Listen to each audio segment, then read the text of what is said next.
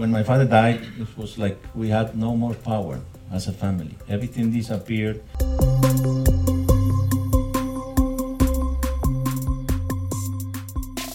On the final page of the first book that you wrote about your father, called My Father, you write, To my father who showed me what path not to take.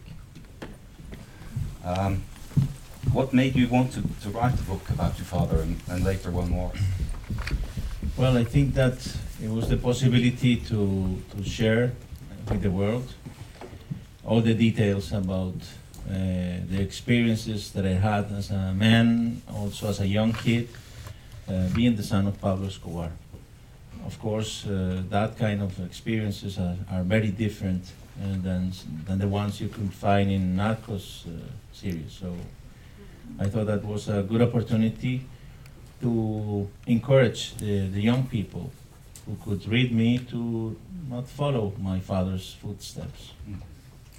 I guess for for, for many people, um, still today, so many years after your father died, um, the name Pablo Escobar is very recognizable. It's uh, he's a very famous figure, but he's also surrounded with a lot of myths.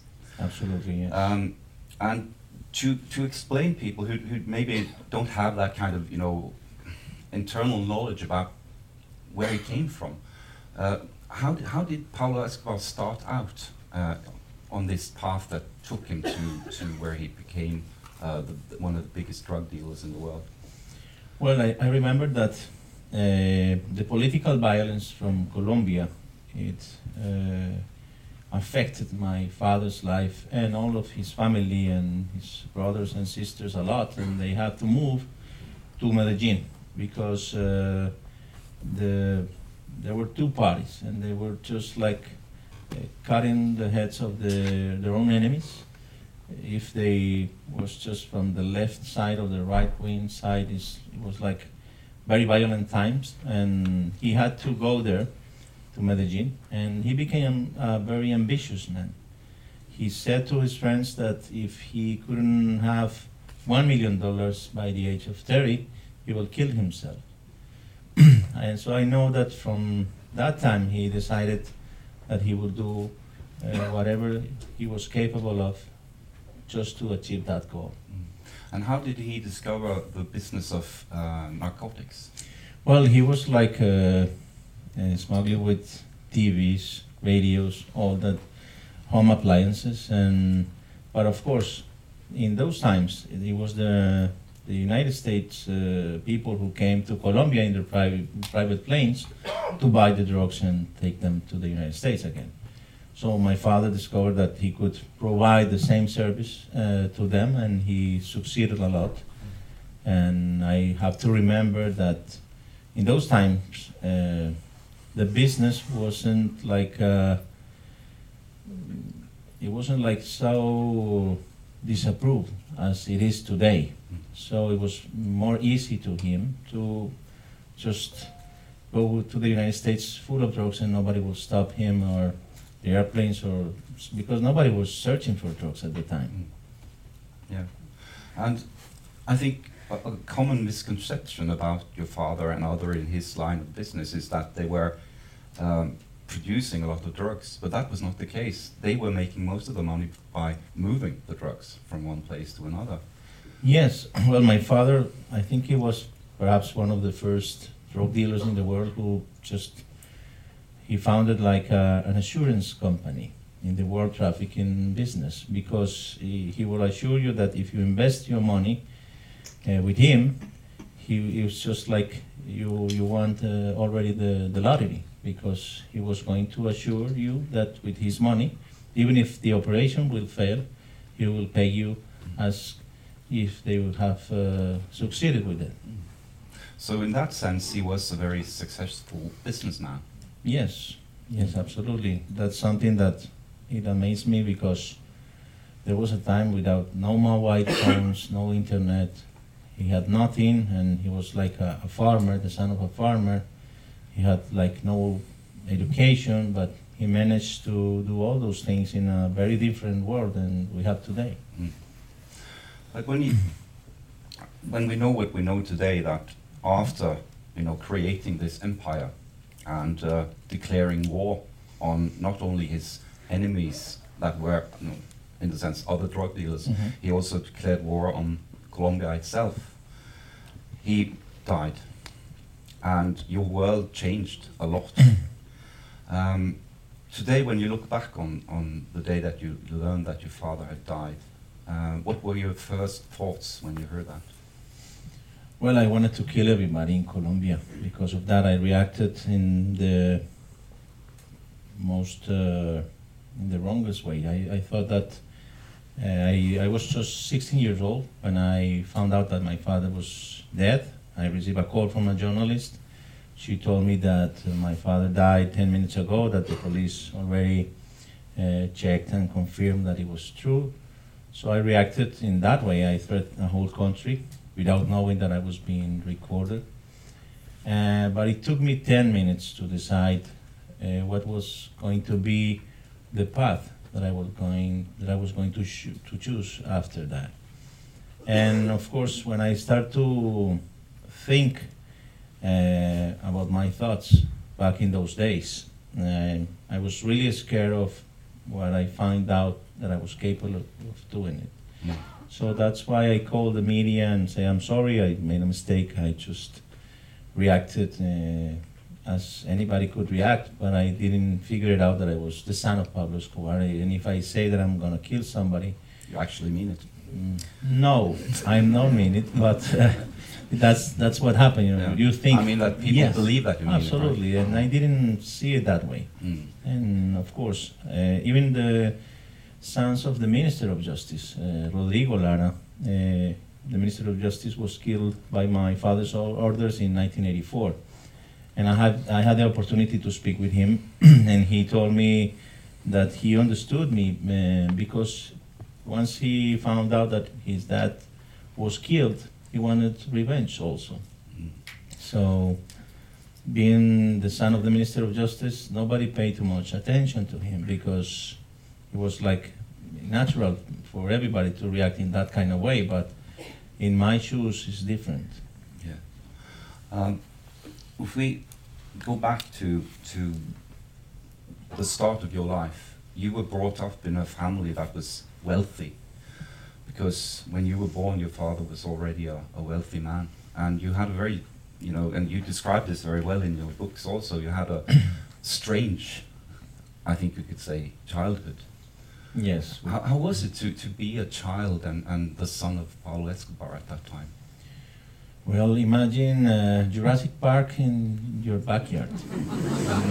Something like that. Yeah, uh, it's easy, you know, to, to think that you have you you have to be a very spoiled child. I should be. Mm. But I think that I receive also a lot of love from my father's and mother's side, and that thing that uh, really make the, the big difference. You know, I grew up with one of the most dangerous men in Colombia. They were all my nannies, you know, my bodyguards, and so I grew up with a very violent uh, people surrounding me. And the real difference between those guys and, and my story it was uh, how much love I receive every day from my father's and mother's side. So, because they they told me they suffer a lot, they had to escape from home. They saw how much uh, pain their own fathers were causing to their sisters or even themselves. They just felt that they were going to die inside of their own homes.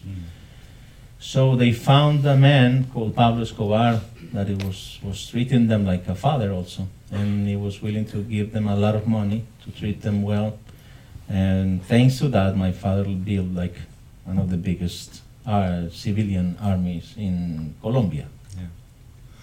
Um, when when uh, you were you were living in this um, strange environment, uh, you also received, uh, and you I think that's some of the most touching uh, scenes in your two books is where you describe how your father, the way that he showed love and affection for you, and the letters that he wrote, um, things he told you, uh, and it's very hard when you when you read those things to reconcile that image, uh, uh, this loving man, this Mhm. father, with what you what you actually know about his way of life, the, all the people that he killed, and I, I imagine that has to be very hard for you to get your head around also that he could be those two things at the same time. Well, I, I, sh- I should say that uh, thank God I could preserve the, the, the letters because it would be hard for you to believe me that he was uh, really a, a loving father. And also, I have to live with that uh, contradiction. You know, I have to accept that's part of my father's life. I have to respect if anybody approached to me and said, "I hate your father because he did this and this and this," and I have to respect the other side who approached to me and said, "I'm, I thank your father because he helped a lot of poor people," and both are the true story about Pablo Escobar. You know, he made a lot of good and he made a lot of harm at the same time. Mm. And in the middle, it was me, you know, receiving his love and seeing him growing as a drug dealer, as one of the most violent men in Colombia, also. Mm. As you got older, you were 16 when he, he died. yes. Um, I guess you understood understood a lot more about what he was doing actually. And in your book, you, you also tell that you tried to persuade him to Many times. change his life. Yes, many times I did that. And my mom was the first one to do that because my father was surrounded by a lot of criminals, and the only way uh, for them to become richer every day was just bring more violence to our home, you know. So we were the only ones who were really suffering the consequences of my father's actions. That's why uh, we approached to him so many times uh, to speak to tell him, to ask him, to beg him to stop.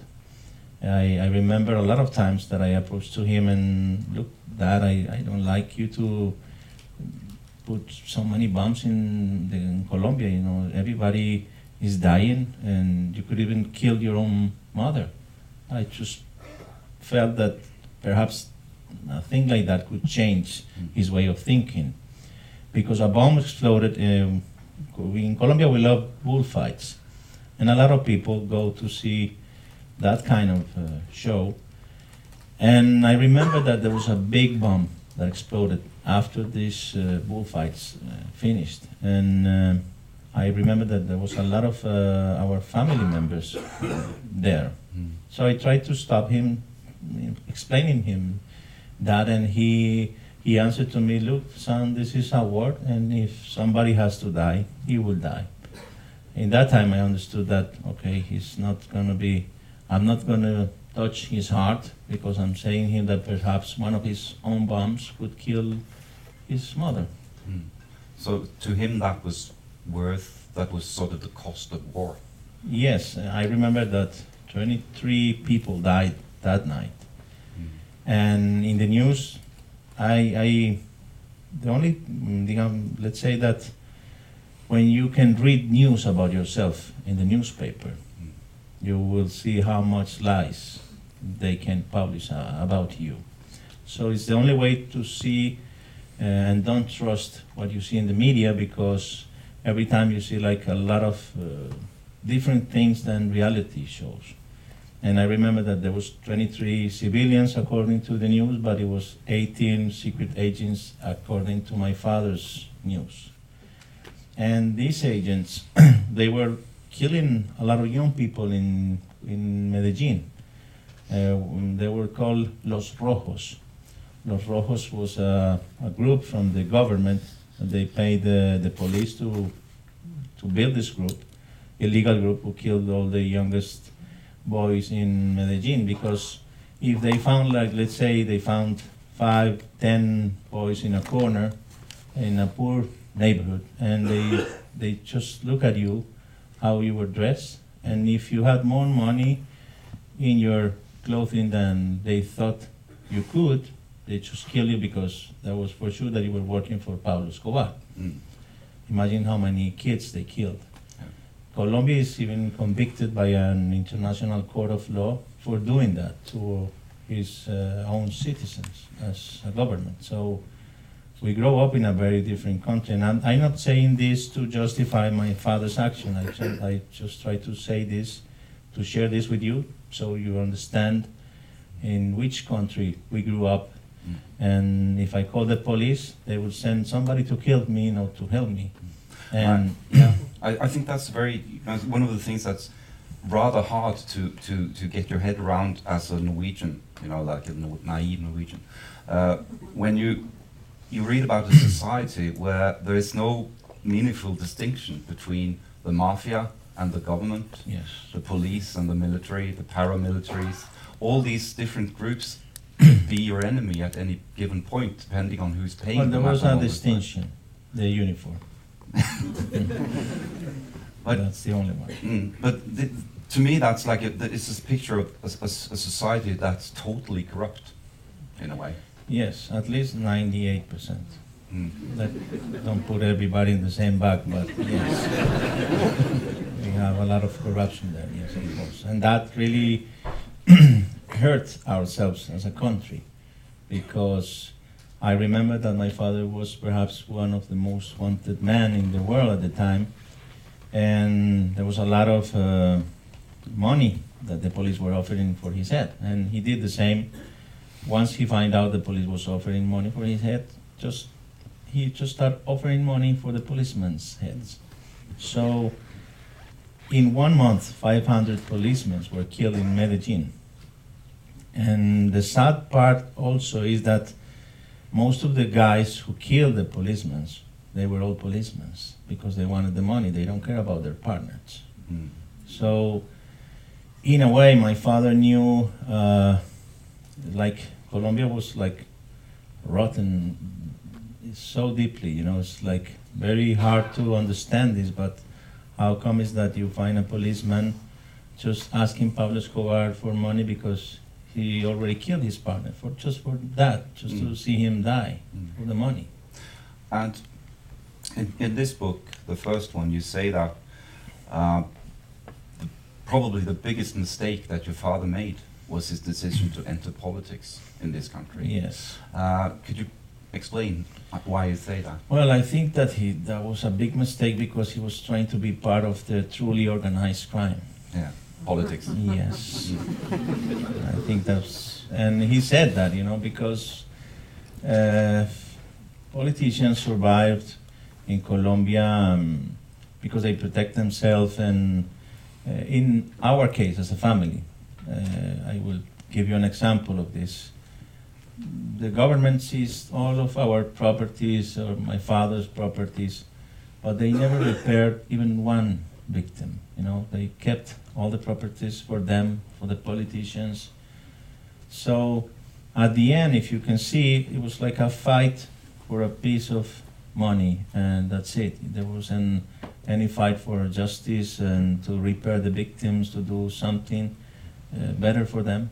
It's like they are insulting again the, my father's victims because they should repair them because they really took a lot of money uh, from my father's properties and they could have millions of dollars to repair them, but there was not even one dollar for the victims. Mhm. So, and I give you an, uh, a very good example. I think I became friend of one of the Minister of Justice sons, uh, Jorge Lara, and he never received a dime for just being the son of uh, the Minister of Justice. And even there's a law in Colombia that recognizes the victims, but from the year 1985. So he, his father was killed in the year 1984. So that doesn't make him a victim. That's how it works in Colombia. How does Colombia work today?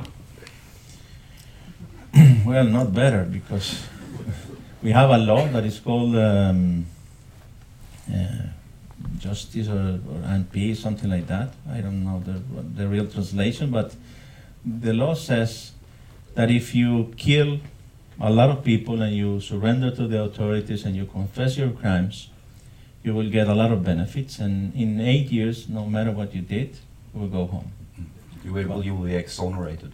Yes. yeah. So, if you imagine that you are in jail, you are a paramilitary, you confess that you killed a thousand people and did a lot of uh, harm to society, and you will be condemned for eight years. But next to you in the next cell, there will be a guy who killed one guy, or perhaps some, someone else, and he's convicted for 40 years. So, in a way, what I understand, the law is saying if you're gonna kill, please be a serial killer so you will get a discount. You know, like, and that's how it is today. It's, it's not me who invented the law, it's, it's what it says. Mm. In um, 1993, when your father died, uh, and I use that word deliberately because there is a discussion. Thank uh, you for using that word. Uh, there's a discussion uh, about the, the, the way that your father passed away. Uh, a lot of people have come forward claiming that they were the ones who killed him. Just like uh, people are now fighting over who killed, I, say, I think, yes, uh, Osama bin Laden or something like that. Yes. Um, you have a different theory about how your father's life ended. Well, I, I prefer to use, uh, I have found different facts that can allow me to say that my father committed suicide. And there's a lot of stories about that because uh, let's see that in our own family, death wasn't a myth. You know, it was something that we should uh, face every day in our lives. So my father, my father was very aware that sooner than later he was going to die somehow, some way. So he teach me how to commit suicide, even myself, in the case that I would feel surrounded by his own enemies. So he always uh, told me that he had 15 bullets in his gun, and that 14 will be for his enemies, and the last one will be for him. When he um, committed suicide, we received um, information from the guys, uh, from the doctors who did the autopsy, and they said to us that they were threatened by the police to change the final report because they put in the report the word suicide, and because that what happened. And also, um, my father, if you check the recordings, he was calling his family during the, that day more than 10 times. And if you check previous recordings, you won't find too much because my father was very aware of the consequences of using a telephone. He knew perfectly that his call could be traced easily and he could be find, found uh, very easily in the, uh, in the same time. So if you check here, also on purpose, he just stayed in the phone and say hello, saying hello to my little sister, to my mom, to me.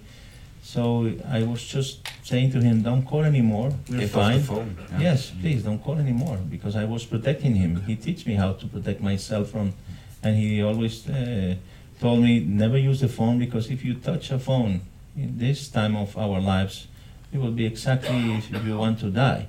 So for me, it's absolutely clear that he chose to allow their own his own enemies to be to found him. So that's a decision he made, and the decision he took it was because we were hostages of our own government. Of course, the media was saying to the world, Colombian government is protecting Pablo Escobar family. That's a very good, nice two percent that you have hostages as guests. Yeah. After your father was uh, died, um, it became very dramatic for you, for your mother, for your sister, because you were also um, targets for the enemies of the Medellin uh, cartel, Mhm. especially the Cali, uh, the family there, the Rodriguez. Rodriguez Orejuela family. Um, could you explain how you survived? Because you were 16 at the time, you were a man. You should have been killed. Yes, it's a miracle that I'm here with you and sharing with you all the, these kind of experiences because by the age of uh, 16, uh, a lot of people were willing to pay $4 million for my head. and I should clarify that no one, no one else is going to pay you that money, so don't get excited. and, um, but it was very hard for me because when my father died, it was like we had no more power as a family. Everything disappeared the minute after he died. So immediately, uh, our own, my father's enemies approached to us and they start saying that we have to uh, give them all that we inherited from him, that they were all uh, just trying to uh, get back what they spent looking and fighting my father for years and years. So it was kind of a quick negotiation because it was easy to say yes because you couldn't say no, I, I won't give you this or I won't give you that. They were just threatening us, and my mother was the one who went to a lot of meetings with all the cartels, and I don't know how could she But she make was peace with them. she wasn't uh, she was uh, um, giving away a lot of property, a lot of you know money, but she was also negotiating for your life.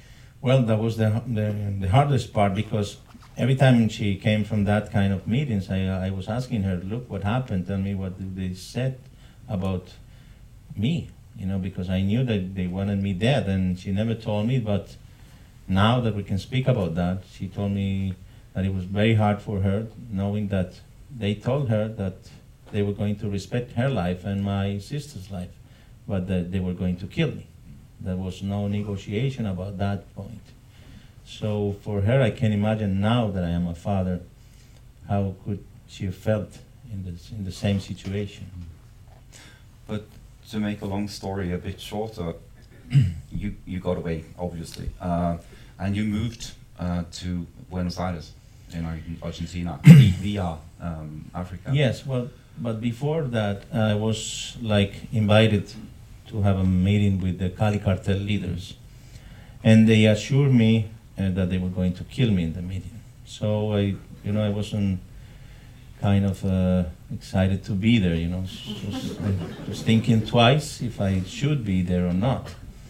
And I received a lot of threats because, of course, the same, the, the first answer I gave, no, I, I, I won't go because who's gonna be there if you already are telling me what, what you're going to do to me? So a guy approached to me. I was in uh, visiting some of the drug dealing bosses in, of the mafia, the mm, cartel of the Norte del Valle, and a guy that I never saw in my life. He just approached to me and he told me, "Look." Um, he, he was the only one who wasn't threatening me. So he, he approached in a very kind and also uh, deep and cold way at the same time. And he said to me, Look, man, why don't you say yes and go to the meeting? And I explained him again why not. And he told me, Look, you are already dead. So the only chance you have to survive is be there sharp and that's the only possibility you have to survive Mm. go and see the guys that are willing to kill you so he really convinced me that it was true perhaps i could run a little bit but i know that i wasn't going going too much far away Mm. and i will be dead already What did you say in that meeting that saved your life? Well, I, I said two things. Uh, one of them almost got me killed because I made a mistake. I just tell them that don't worry, I'm not gonna be uh, involved in the drug trafficking business because that's a curse for me, and they didn't like that at all. Mm. So they wanted to kill me.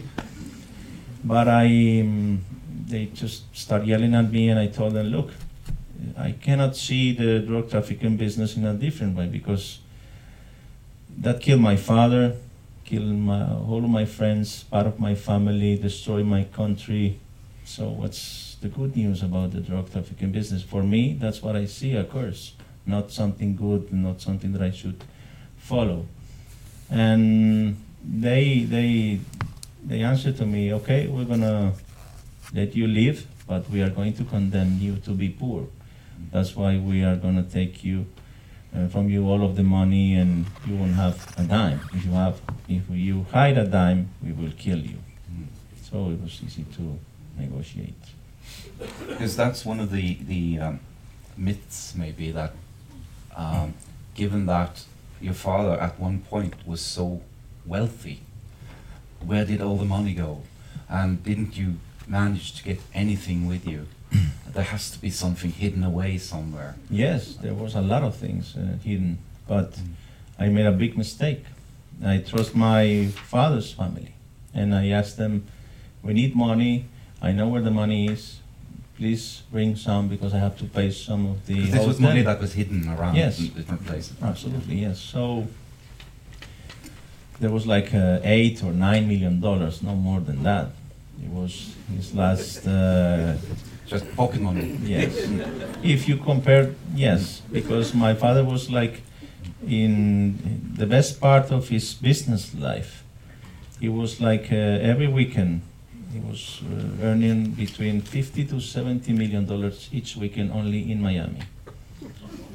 So it wasn't too much money if you compare. But I committed the mistake to trust in my father's um, sister, and she went to the place. She found the place. She found the money, but she never recognized that there was the whole money there. She just gave us a small part of the money. So um, she's still it's still the money for her. But is it in some way a blessing that you didn't receive that money? Yes, and in this book, in my new book, I thank my father's enemies also for that, because that really allowed me to become a different man, to reinvent myself as a human being. Yeah. Because money change uh, easily the way a human being could think. Mm. And we will get to that. We will get to the purpose of your, your life after after 93 in a, a little while. But before we go there, um, I want to talk to you a little bit more, more about the business model of the narco Mhm. industry. Um, some would argue that the core element of the business model of the narcotics industry is that narcotics are prohibited, they are forbidden. And you have argued that making drugs legal and controlling uh, the distribution of Mhm. drugs through state means Mhm. is the only way to solve this issue once and for all. Yes, I uh, totally agree with that kind of uh, approach to this problem because, you know, for me, if we take out prohibition, eh, you, there won't be any Pablo Escobar. That's easy as that. No, no books about him, no movies, no narcos show. And I think prohibition is the biggest act of irresponsibility from the government's side. Because in a way they are saying to the biggest criminals, we have the best gift for you. You have the most profitable business you could ever imagine, and this is, take this as a gift because we decided this should be legal. So now you will have enough power and money to corrupt us, to uh, threaten a whole country, if you like, to build your own prison as my father did. So I think that's if we want more violence, if we want uh, more uh, a bigger lack of human values every day, if we want uh, to sell more guns to the world, if we want to uh, be our own uh, young people fighting against each other because they have they need to control the business and they, they only use violence because it's, it's an illegal business. They are not going to call a prosecutor to solve a problem, you know, or a lawyer. So this is, uh, for me, the biggest act of irresponsibility from a government side. And, and I also understand that there's a big business behind prohibition. And let me give you a small example of this. Today is like I'm, I feel sad when I try to fly to Mexico and give lectures to thousands of students and to tell them that crime doesn't pay. And I feel like I'm, in a way, lying to them because the reality shows a very different uh, result. Today uh, is not about how much crime did you commit it uh, if you face the United States uh, justice system. It's about how much money do you have Mm. so we can make an arrangement. And perhaps you could save some part from you, and we will, if I am the justice of the United States, they will laundry s- part of your money so you can live happily ever after. Mm. So it's hard to me to explain to them not to be part of the drug trafficking business. Because in the reality, we have these laws in Colombia. if you're gonna kill, you have to be a serial killer. Not don't kill one because it's not a good business, you know. So that's something very hard to explain to them, because I try to be as honest as possible with the experiences that I have as a man, and also as being the son of, of Pablo Escobar. So recently, the Cali Cartel uh, brothers, the Rodriguez Orejuela brothers, they paid two thousand million dollars to the United States government just to erase from the Clinton list their family members. Mm.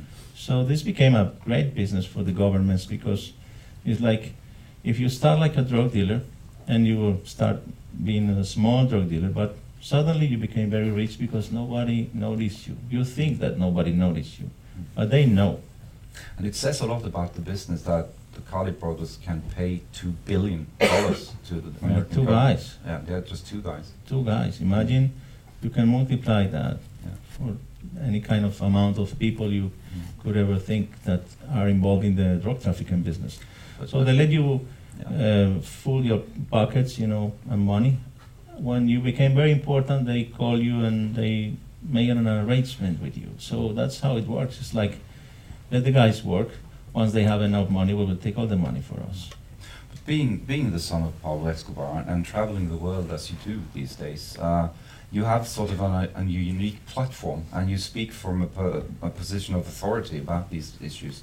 Do you do you feel that there is any movement? Is it realistic that you know you can have a broad legalization process when it comes to narcotics, or uh, is this like a taboo? Well, thank God I'm not alone in this, and because um, Jimmy Carter, Bill Clinton, George Soros, uh, a lot of people, powerful people in the world, uh, have like the same approach. Even Cesar Gaviria, our former president. The thing is that uh, most of, of these guys are, I, I won't take that uh, personally, but once they have the power to change things, they don't do anything. Once they end up with their being presidents or whatever, they say, oh, we have to legalize. So it's easy to say that we have to legalize if we are not in a position of power to do something about it. Mm. So, and I, I really, I am an architect, you know, I'm not, I will not benefit at all if the world uh, decide to legalize, and I prefer the word regularize or something like that. Mm. Because for me, drugs are already legalized. And why I said this is because drugs can be delivered. You know, and if we ask for pizza, and at the same time we ask for drugs, the drugs will arrive first, and nobody will stop them. To from so it's very easy to have access to drugs today in schools, even in the shopping malls. You can buy drugs, and people ask me, how can we buy drugs in a shopping mall? And well, we have the pharmacy, and we also have, um, you know, the, the salt bath, uh, what we use to relax.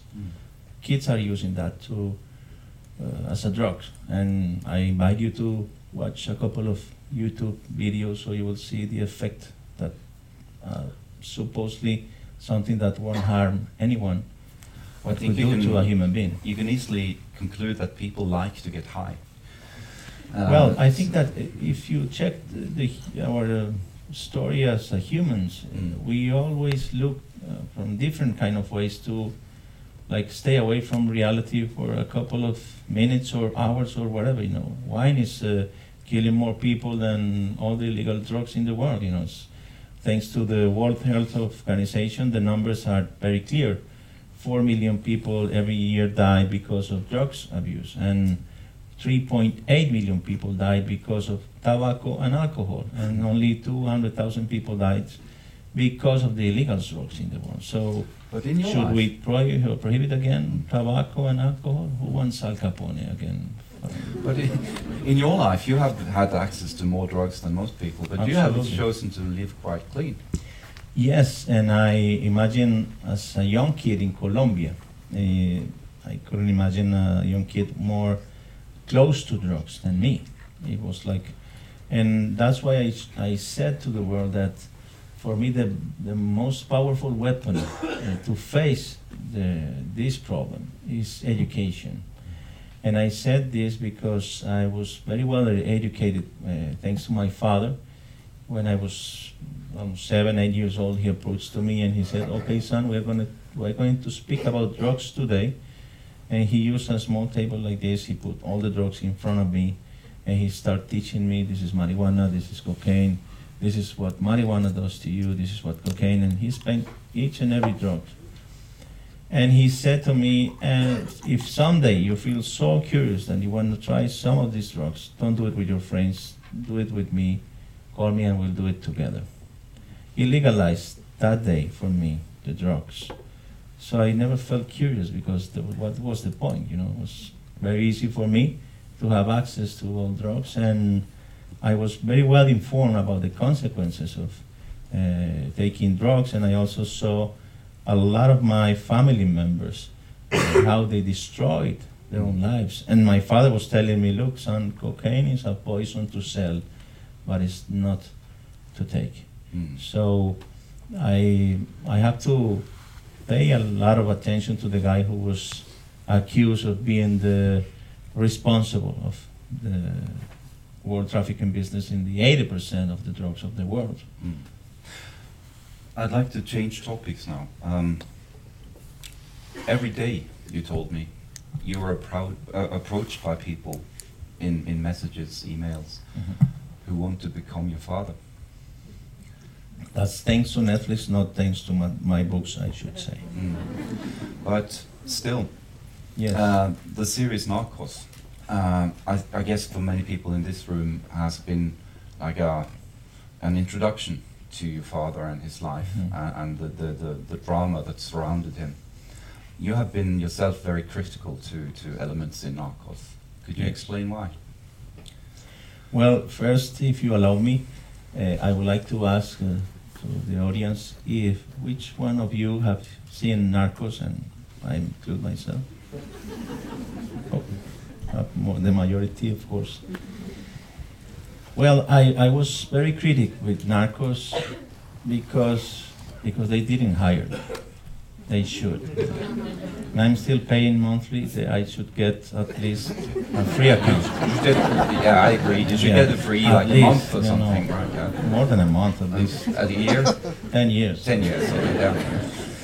So I did this because I just, uh, and I did this uh, in the second season, not for the first, because if I just uh, made the list of the first and the second season, there will be like two books about uh, the, the mistakes and and I think it was important because I started to receive lots of messages that said, I just saw Narcos and I now I want to be like your dad. It's a cool thing to do. And I received these messages from all over Europe, Asia, every continent, every country. And I thought that it was, for me, an opportunity to show to the Narcos viewers that they should be aware that not all they are seeing is the whole truth. Because, in terms of uh, marketing, Netflix says to the world, this is the true story about Pablo Escobar. But when they hear a claim, they say, no, no, this is an artistic way of showing Pablo Escobar. And that's not how it works, because I think we have to be very responsible as men, as human beings. If we tell a story, we have to know how to tell right the same story, because perhaps this could be the same story that narcos are trying to sell to the world. But the results are very different, and I shared with you recently the experience that I have with a 13 year old kid that approached to me and said, I read all the books, I watched all the movies, the documentaries, and I wanted to be like your father until I read your two books and I realized that I wanted to be a journalist, not a killer, not a gangster. And that's for me the big difference, and also is one of the best feedbacks that I ever received uh, uh, as a writer. And I think that it really matters to me that people should know uh, the facts that Netflix changed on purpose or not. And I have also to say that I approached to Netflix six months before they start shooting the, the series. And I, uh, I offered them full access to all my father's archives and home videos, photos, and I we have a lot of that. You know, handwritten letters, documents that we. I I know that you don't know too much of my dad, but if I give you all that information, I know you will build a real character about him. So it was very confusing and sad that they didn't want to hire me for that. And I understand why, because they already bought the DEA version of Pablo Escobar.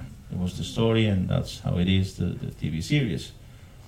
And of course, I cannot imagine myself in a meeting with the Netflix people, with the DEA agents, and me asking, okay, well, when are we going to shoot the chapter where the DEA agents worked with my father for the drug trafficking business, not against him. And of course, that's you won't find that chapter in. Narcos. I'm guessing that the DEA didn't really want to have that chapter in the. In the I don't know why. Mm, But in your opinion, what is the biggest um, mistake made in Narcos about your father? Well, I think it's glorifying my father, because if you portray him as a hero to the viewers, if you show him as an untouchable man, if you show him hiding every day in bigger mansions and the best houses you could ever imagine, and that never happened. You know, I saw my father every time he had more power, more money, he was forced to live in the poorest way you could ever imagine. So, uh, and I, I was asking my, myself every day, what's the point of having this kind of money, s- such huge amounts of money, and if we have to live this way, I prefer to have to have less and live better. Mm. And that's not the way they show my father. And they also show him they, he's burning two million dollars, like if we don't have uh, wood in Colombia. You know, we have wood for the fireplace. Why we should burn the, the two millions of dollars? You know, so Because we can. yes, but pe- people like to see that, and they go, "Ah, your father burned two million dollars because he was uh, your sister was cold." Mm. No, we are now both to do that. So it's like they exaggerate things, and of course, this is the uh, the particular way that perhaps a scriptwriter in Hollywood, in his own desk, with a good view, he was just, oh, I'm gonna think. Perhaps Pablo Escobar is like I think he is, but I think they should do a very mm, a good research about Pablo Escobar. If they are portraying him, they should do a better job. But they they just make a very entertaining uh, TV series, and they succeeded a lot. And I have to say to them, thank you because you are helping me a lot with the book sales also. There's that, of course. Um, after, I guess, around 20 years, you were able to go back to your home country, to Colombia. Yes, I had to wait 14 years to Mhm. come back. 14, And- my mistake, sorry. Yes, yes, and uh, of course, I was invited for um, with um, to have a meeting with the Galan's uh, sons. Mhm. Luis Carlos Galan was a presidential candidate assassinated by my father's orders. He was uh, absolutely the guy who was about to win the elections. So he was killed before that, and I met his sons and also uh, the minister's sons uh, to ask for their forgiveness. Uh, we were just making a documentary at the time. It was called Sins of My Father. Thanks to piracy, you are available to see uh, Sins of My Father in YouTube. So I invite you to do that if you have time. Uh, we didn't do it for the money. We do it, we did it because we believe in reconciliation and we believe in forgiveness. That is not the same thing of forgetting things. That's for me. Forgiveness is about healing, not about forgetting things or stories.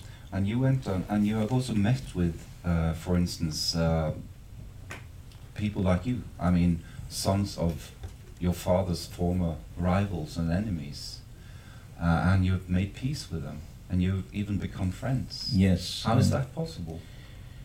This is another miracle, Uh, absolutely, because this new book is about not also my father's stories. I think that I already had the opportunity to say and to tell my story from my shoes in the first book.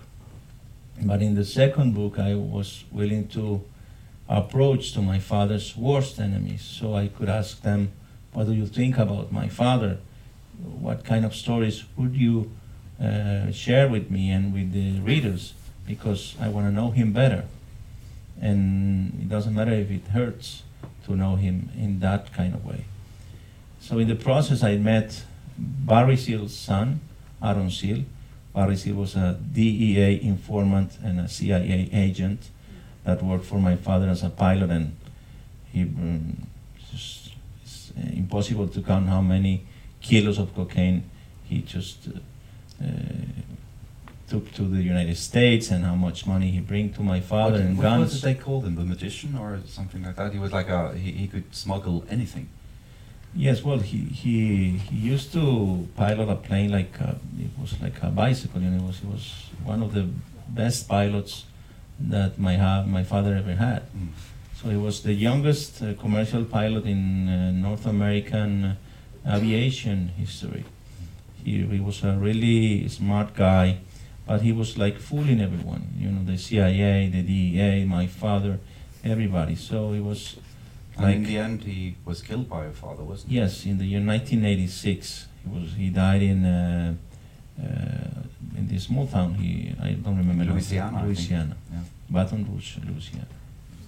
And uh, I had the opportunity when once I was uh, writing this second book, I received a message uh, thanks to Twitter. I received a message uh, because I received thousands. It's, for me, it's absolutely impossible to read them all.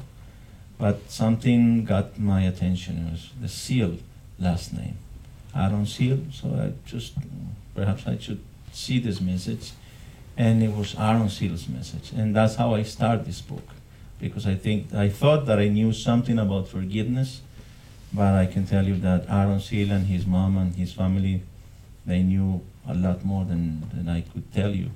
They also approached to the guys who actually killed uh, his own father, and they told them that they would win, and they wanted to forgive them uh, for their actions because they understood why his father was killed, etc. And Aaron also asked me to that I have to forgive his own father, just because he was willing to testify against my own father. So it's something that is it is today even hard to understand for me.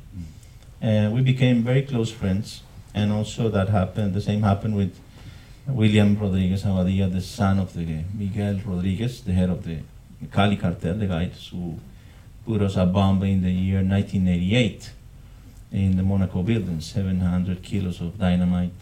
You almost died. Yes, uh, I remember the newspaper uh, published the next day that um, Medellin woke up as Beirut. I remember the title. Yeah. It was the biggest bomb it ever exploded in Colombia.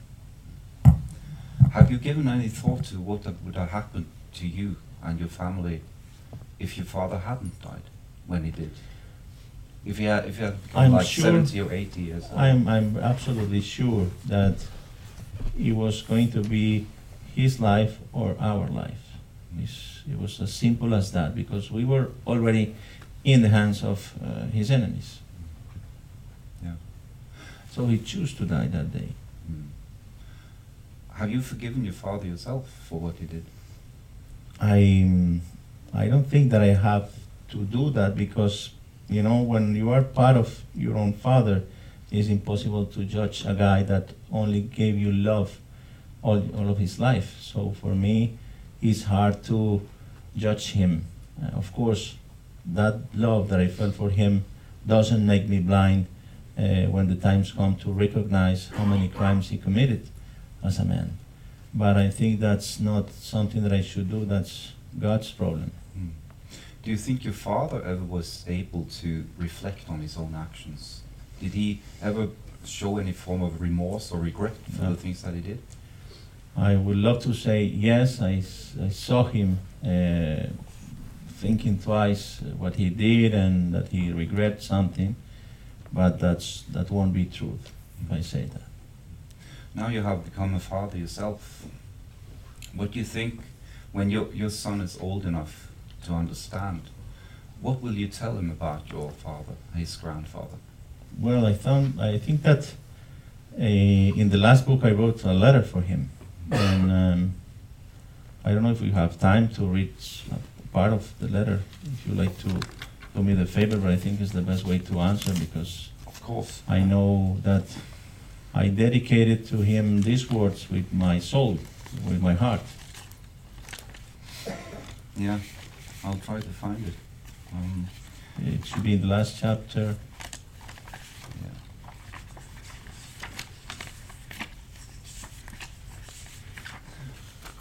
I don't have the time to read all of it, um, but, and it's in Norwegian, uh, so Please. I have to do it in Norwegian. I I think will start because- learning, learning now.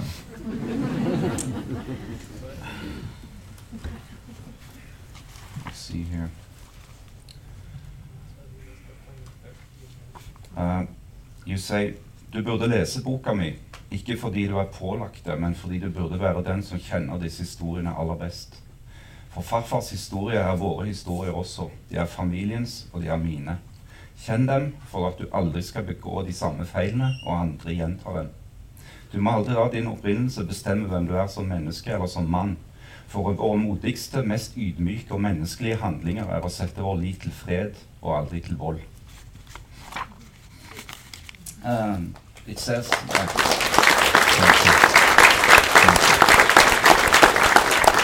I don't know what you said, but I can assure you it was think they liked it. It was beautiful.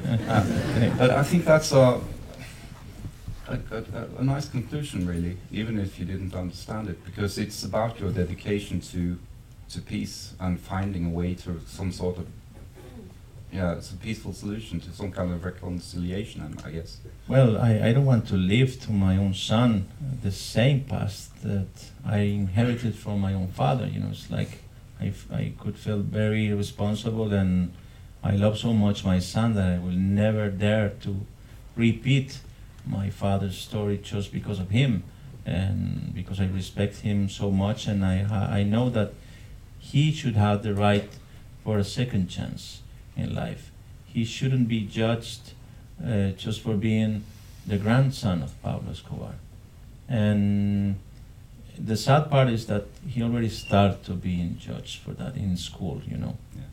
So I'm just trying to do my best with the stories that I lived and that I inherited from my father. Um, just to let you know, um, your name isn't really Juan Pablo Escobar anymore, it's Sebastian Marroquín. But after this um, um, talk is concluded, uh, there will be a book signing upstairs. So if you could just do us a little favor, just wait a little, two seconds before you leave, so that we can leave first, so that he will be at, ready to, to do the signing. Thank you. I just wanted to thank you very much for No, coming, thank you sharing to your story with us. My pleasure, and thank you all for being here, for not being asleep. And